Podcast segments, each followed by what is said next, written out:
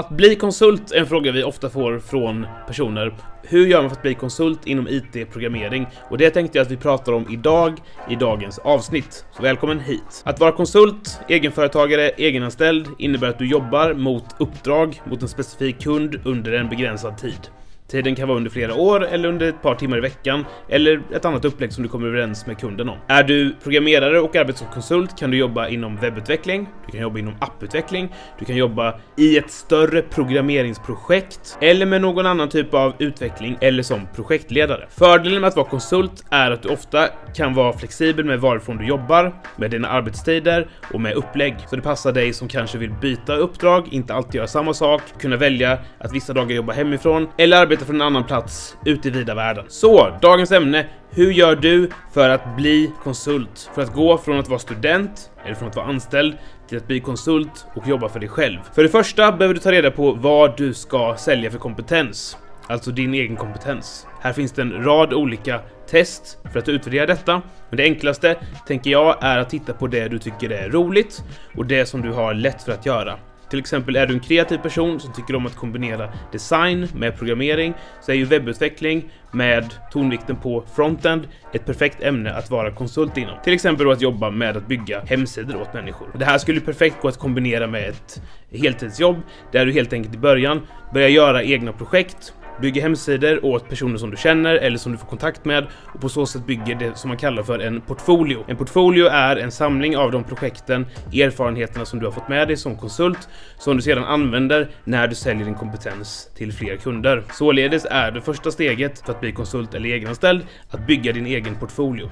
Och då är det egentligen bara erfarenhet, träning som är det viktigaste. Därför tänker jag att det viktigaste i början är inte att du kan tjäna maximalt med pengar utan att du får de här avgörande erfarenheterna för att kunna fortsätta utvecklas och fundera på hur du bäst kan sälja dina kompetenser, exakt vad du ska göra och vem som är din kund. Det finns lite olika bolagsformer för dig som vill starta eget, men eftersom att aktiekapitalet för att starta ett aktiebolag idag endast är 25 000 kronor så rekommenderar vi de som har möjlighet att starta aktiebolag istället för enskild firma. Därför att ett aktiebolag är separerat från dig som juridisk person, där bolaget är en egen juridisk person och det är enklare att separera ekonomin, vilket vi tycker är en fördel. Men prata med en ekonomirådgivare eller redovisningskonsult för att ta reda på vad som passar just dig. Det finns även idag väldigt bra tjänster där du kan använda factoring, det vill säga att du fakturerar via ett annat bolag, får slippa bilda eget bolag för att dra igång och sälja dina första konsulttimmar. Tänk också på att det finns ett skattefritt belopp. Det här beloppet som du får tjäna varje år utan att redovisa det överhuvudtaget. Det är helt okej okay att börja där. Så, då säger vi att vi har bestämt att vi ska jobba med webbutveckling, JavaScript, HTML, CSS och vi har bildat ett eget bolag och ska därför börja att sälja vår kompetens. Och det här steget tycker många är väldigt svårt, alltså hur man ska hitta kunder och hur man ska sälja. Här finns det en rad olika förslag vi har på aktiviteter som du kan göra för att enklare nå ut till kunder. Dels kan du bygga ett eget starkt personligt varumärke, till exempel via LinkedIn och via övriga sociala medier. Vi har bland annat på distansekonomin en bra kurs i hur du stärker din egen professionella LinkedIn-profil. Men det viktigaste här egentligen tycker vi, det är att du börjar med att lägga upp det du gör och lägga upp det värdet som du kan tillföra dina kunder på sociala medier för att komma ut och att folk ska få reda på vad du kan erbjuda dem. Tänk också på hur du diversifierar dig, alltså hur du särskiljer dig från andra webbutvecklare på marknaden, vilket i början när man har precis nystartat ofta kan vara att man är mindre och mer snabbrörlig och flexiblare än större bolag som är mer trögstartade. Därför kan du som en nystartad webbkonsult kanske ta uppdrag som inte kräver så hög eh, betalning så högt arvode eftersom du inte har så höga kostnader, vilket är en jättebra möjlighet att få in en fot på marknaden och bygga det vi pratade om tidigare då, din första portfolio. Så i början tror vi på Distansakademin att det viktigaste är att känna att ni behöver inte vara helt färdiga för att kunna börja utveckla er själva och lära er mer. Det vill säga, ni behöver inte ha gått alla kurser eller gått en hel utbildning för att börja sälja en kompetens. Därför att så fort ni har påbörjat en utbildning eller en kurs så börjar ni också en träningsprocess där ni lär er till exempel bygga hemsidor och den kompetensen finns det ett värde för företag på marknaden att betala för. Så vänta inte på att ni ska känna att ni blir helt klara eller att ni får att ni har lärt er allting för att kunna sälja en kompetens. Ofta kommer aldrig det stadiet utan desto mer man lär sig desto mer inser man på något sätt att man inte kan. Utan börja därför istället fokusera på att sälja kompetensen för att kunna lära er mer löpande under processens gång. Så marknadsför att ni bygger hemsidor i till exempel Wordpress åt kunder, små, medelstora företag och att ni gör det under antingen ert eget namn eller ett eget varumärke. Simsalabim, ni är konsulter. Är det så att ni vill jobba med programmering, gå en kurs eller titta på guider online eller gå någon av distansakademins utbildningar, kom igång till exempel med C-sharp eller med Python. Lägg upp en professionell profil på LinkedIn och börja marknadsföra att ni är juniorutvecklare med hunger för att lära er mer. Och det är det som är så bra i det här läget är att det är ingen som kan bli arg på er för att ni inte är helt färdigutbildade eller har massor med erfarenhet så länge ni är transparenta med att ni är juniora och att ni gör uppdragen för att lära er mer. Här fungerar ni som en kompetensmagnet. Desto mer ni gör, desto mer erfarenhet och kompetens ansamlar ni och desto starkare blir ert varumärke, desto starkare blir er personliga kompetens. Det handlar ju bara om att stoppa in mycket tid för att lära sig mer och mer och få en kraftfullare position på marknaden. Nästa fråga vi ofta får är då hur ska jag tänka när jag ska ta betalt? Och här har vi en eh, strategi som jag pratade om tidigare där det bygger på att ni måste tänka att den första tiden ni lägger in som konsult när ni är juniora, alltså att ni har ganska lite erfarenhet, är fortfarande en lärotid.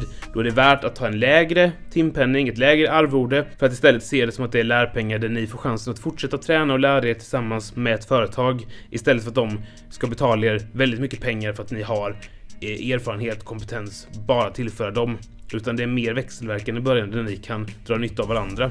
Ni lär er genom att ni får jobba hos dem och de får in kompetens genom att ni drar ner ert arvode och därför kan lägga mer tid för att få ut samma värde som en mer erfaren konsult får på färre timmar. En normalt konsultarvode ligger någonstans mellan 1000 kronor till 1250 kronor för IT-kompetens. Så som junior, nybörjare på marknaden kanske det är vettigt att tänka någonstans runt halva det beloppet. Men det här måste ni känna in själva och ni måste känna att ni har en bra dialog med en uppdragstagare. Ofta så inledningsvis i sin karriär som konsult jobbar man på fastpris, vilket gör att ni kanske får lägga mer tid. Men som sagt, då ser ni det som lärtid och lärpengar för att kunna göra samma värde som en mer erfaren konsult men med mer tid för att ni också under tiden tränar er och blir allt starkare. För att fortsätta sin karriär som konsult och som egenanställd rekommenderar vi att man direkt jobbar med sitt nätverk, försöker se vart de personerna som man ser upp till, som kanske har jobbat längre som konsulter befinner sig och kommer i kontakt med dessa och få en dialog så man kan dra nytta av varandra och lära sig av varandra. Vi tror att det är väldigt bra om man lyckas komma in på en plats där både juniora och seniora utvecklare varvas